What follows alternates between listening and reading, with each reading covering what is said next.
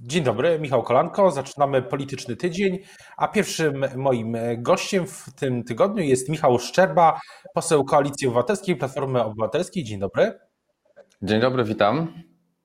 Chciałbym zapytać, czego będzie dotyczyła Pana i Pana posła Dariusza Jońskiego kontrola w dzisiaj, zapowiadana na dzisiaj w Narodowym Centrum Badań i Rozwoju? No, tak naprawdę jest to już kontrola y, rozpoczęta od dwóch tygodni. Y, sprawdzaliśmy powiązania, y, jeśli chodzi o Daniela Obajtka w spółkach, które uzyskiwały i uzyskują dotacje z Narodowego Centrum Badań i Rozwoju. Tutaj zauważyliśmy jedną tendencję. Tendencja, która polega na tym, że im wyższa pozycja jest Daniela Obajtka, E, wtedy, kiedy zostaje prezesem Agencji Restrukturyzacji, e, prezesem Energii czy prezesem Orlenu. E, spółki, w których ma udziały albo które są z nim powiązane personalnie lub też kapitałowo, czy też rodzinnie, otrzymują bardzo wysokie mm, dotacje. Doliczyliśmy się z panem posłem Jońskim, że tylko w odniesieniu do dwóch instytucji, NCBR i Małopolski Urząd Marszałkowski, ta kwota dotacji w ostatnich latach dla trzech spółek, które prowadzą do niego, to jest 86 y, milionów złotych. Chcemy sprawdzić, czy te dotacje były zasadne, y, bo wiemy, że wcześniej na niektóre projekty były składane wnioski, te wnioski były odrzucane, a wtedy, kiedy pojawiała się spółka, w której udziałem ma Daniel Obajtek i jego matka, wtedy otrzymywały one niedofinansowanie. Otrzymywały najwyższe dofinansowanie kwotowo w konkursie. A też pamiętam, e, pamiętam jeśli chodzi o NCBR, bo NCBR w, w polityce był już wcześniej. Pamiętam, że wtedy e, były te informacje, czy informacje udzielane przez sam NCBR dotyczące przydzielania tych dotacji, rozpatrywania tych wniosków, że ten, te panele, które rozpatrują te wnioski i cała ta, cała ta procedura e, jest obiektywna i zanonimizowana. Pan też. No, panie redaktorze, znaczy, wie pan, jeżeli mogę troszkę przed konferencją panu rąbka tajemnicy ujawnić, no to, to mamy do czynienia z trzema spółkami, tak? To jest, te wszystkie trzy spółki mają jedną, jedną siedzibę, jedną lokalizację. Jedna z tych spółek w 2016 roku wystawia swój projekt do NCBR-u ten projekt jest bardzo negatywnie oceniony. Tak naprawdę nie spełnia kryterium w czterech takich e, wymagalnych, e, e, wymagalnych punktacjach. Następnie ten sam projekt, wtedy kiedy już Daniel Obajtek jest w Energa i jest za chwilę w Orlenie, zostaje złożony przez inną spółkę, w której udziałem ma Daniel Obajtek i dziwnym trafem ta spółka otrzymuje 25 milionów złotych. Ja mam e, takie elementarne zaufanie do urzędników NCBR-u, tak samo pan poseł Joński, natomiast e, mamy wrażenie, że są takie sytuacje, kiedy pojawiają się projekty, w które wpisane są mocne nazwiska, takie jak Łukasz Szumowski, takie jak Daniel Obajtek. I jest, panie redaktorze, coś takiego, co się nazywa taki efekt mrożący, taka e, psychologiczna presja, która powoduje to, że być może mm, te wnioski trochę inaczej na, trochę, na, trochę inaczej się na nie patrzy, mówiąc, yy, mówiąc wprost, żeby za dużo nie powiedzieć.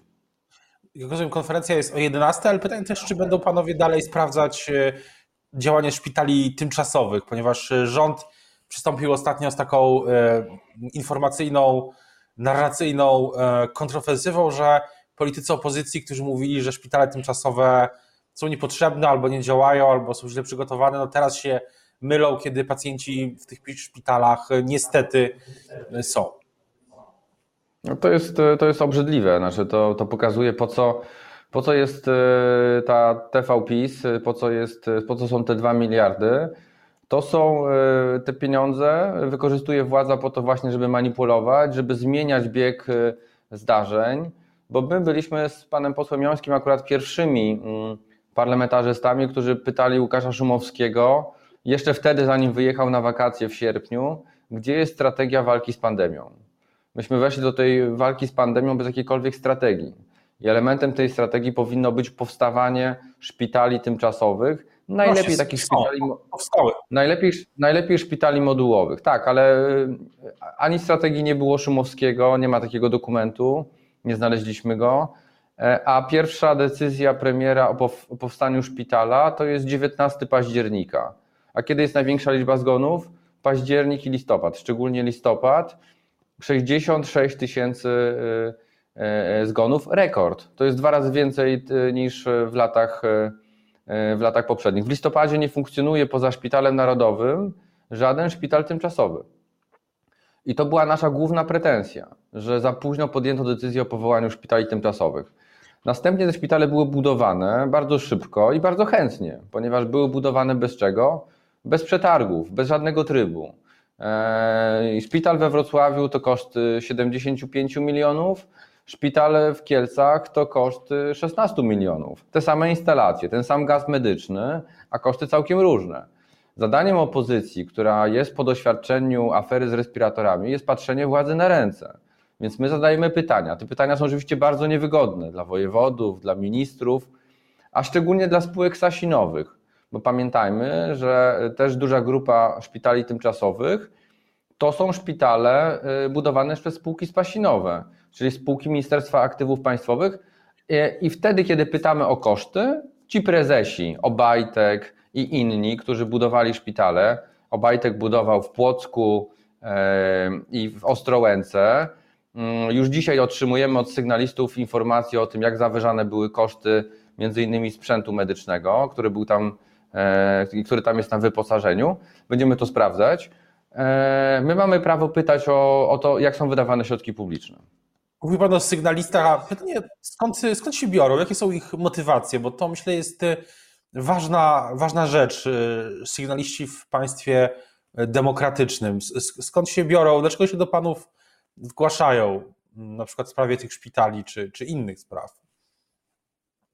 Tak, to, że obywatelki i obywatele, którzy są sygnalistami, którzy zwracają na uwagę naprawdę na, na pewne nieprawidłowości, defraudacje, to są po prostu patrioci. Patrioci, którzy dostrzegają, pracując w tych firmach, czy obok tych firm, czy nawet będąc dostarczycielami pewnych zamówień, usług, dużo nieprawidłowości. I E, mają świadomość tego, że każdego dnia e, każdy z nas jest zapraszany do jakiejś zrzutki, do jakiejś akcji, żeby ratować jakieś dziecko chore na raka, dla którego państwo polskie nie jest w stanie zagwarantować e, operacji, czy też nowoczesnej terapii immunologicznej. I oni widzą, jak te pieniądze gdzieś tam między palcami wychodzą, widzą, że można było kupić łóżko w normalnej cenie w hurtowni medycznej, a dziwnym trafem to samo łóżko szpitalne e, jest kupowane za kwotę pięciokrotnie wyższą niż w hurtowni i to przez firmę, która nie specjalizuje się w tego typu sprzęcie. No to są, to są takie rzeczy, które my również e, e sprawdzamy. E, I powiem bardzo szczerze, ten rachunek tego typu nieprawidłowości kiedyś wystawimy. A jak w tym kontekście widzi Pan kolejne działania, albo może ich brak y, Pana prezesa Banasia i NIK-u? Czy, czy NIK mm, Panów wspiera? Nie wiem, NIK, NIK powinien być niezależny i nie powinien ani, ani wspierać posłów opozycji, ani też, pos, ani też yy, administracji rządowej. Może tak Natomiast tak my, my z panem posłem Jońskim od samego początku postanowiliśmy współpracować z NIK-iem w tym zakresie, że niektóre sprawy, które nas niepokoją, takie, takie kwestie jak respiratory, takie kwestie jak na przykład odbiór tych respiratorów częściowo dostarczonych w liczbie 200 mm, przez Ministerstwo Zdrowia, kiedy miało pełne prawo do tego, żeby odmówić e, przyjęcia niekompletnego e, sprzętu bez odpowiedniej dokumentacji. Więc my takie sprawy do Mariana Banasia, do pana prezesa e, kierujemy, wierząc, że im więcej jest instytucji, w których te dokumenty, które pokazują nieprawidłowości się znajdą, czy to prokuratura, czy NIK, e, czy też chociażby ostatnio nasza kontrola piątkowa z panem posłem Jońskim była w Krajowej Administracji Skarbowej, bo przecież przy e, tej sprawie respiratorowej tam są kwestie również podatkowe. Tam jest kwestia próby obejścia e, prawa, więc spotkaliśmy się z szefową Krajowej Administracji Skarbowej, de facto składając na tym spotkaniu zawiadomienie o podejrzeniu popełnienia przestępstwa karno-skarbowego. Chciałbym też przejść, zapytać, przejść do innych tematów, ale w jakimś sensie łączących się z tym, o czym rozmawiamy, czyli o jawności, o transparencji, o przejrzystości. Czy, czy jest Pan gotowy głosować przeciwko środkom własnym Unii Europejskiej, jeśli te, doma, te warunki, postulaty dotyczące właśnie jawności ich wydatkowania tych środków uruchomionych dzięki zwiększeniu zasobów własnych Unii nie będą spełnione?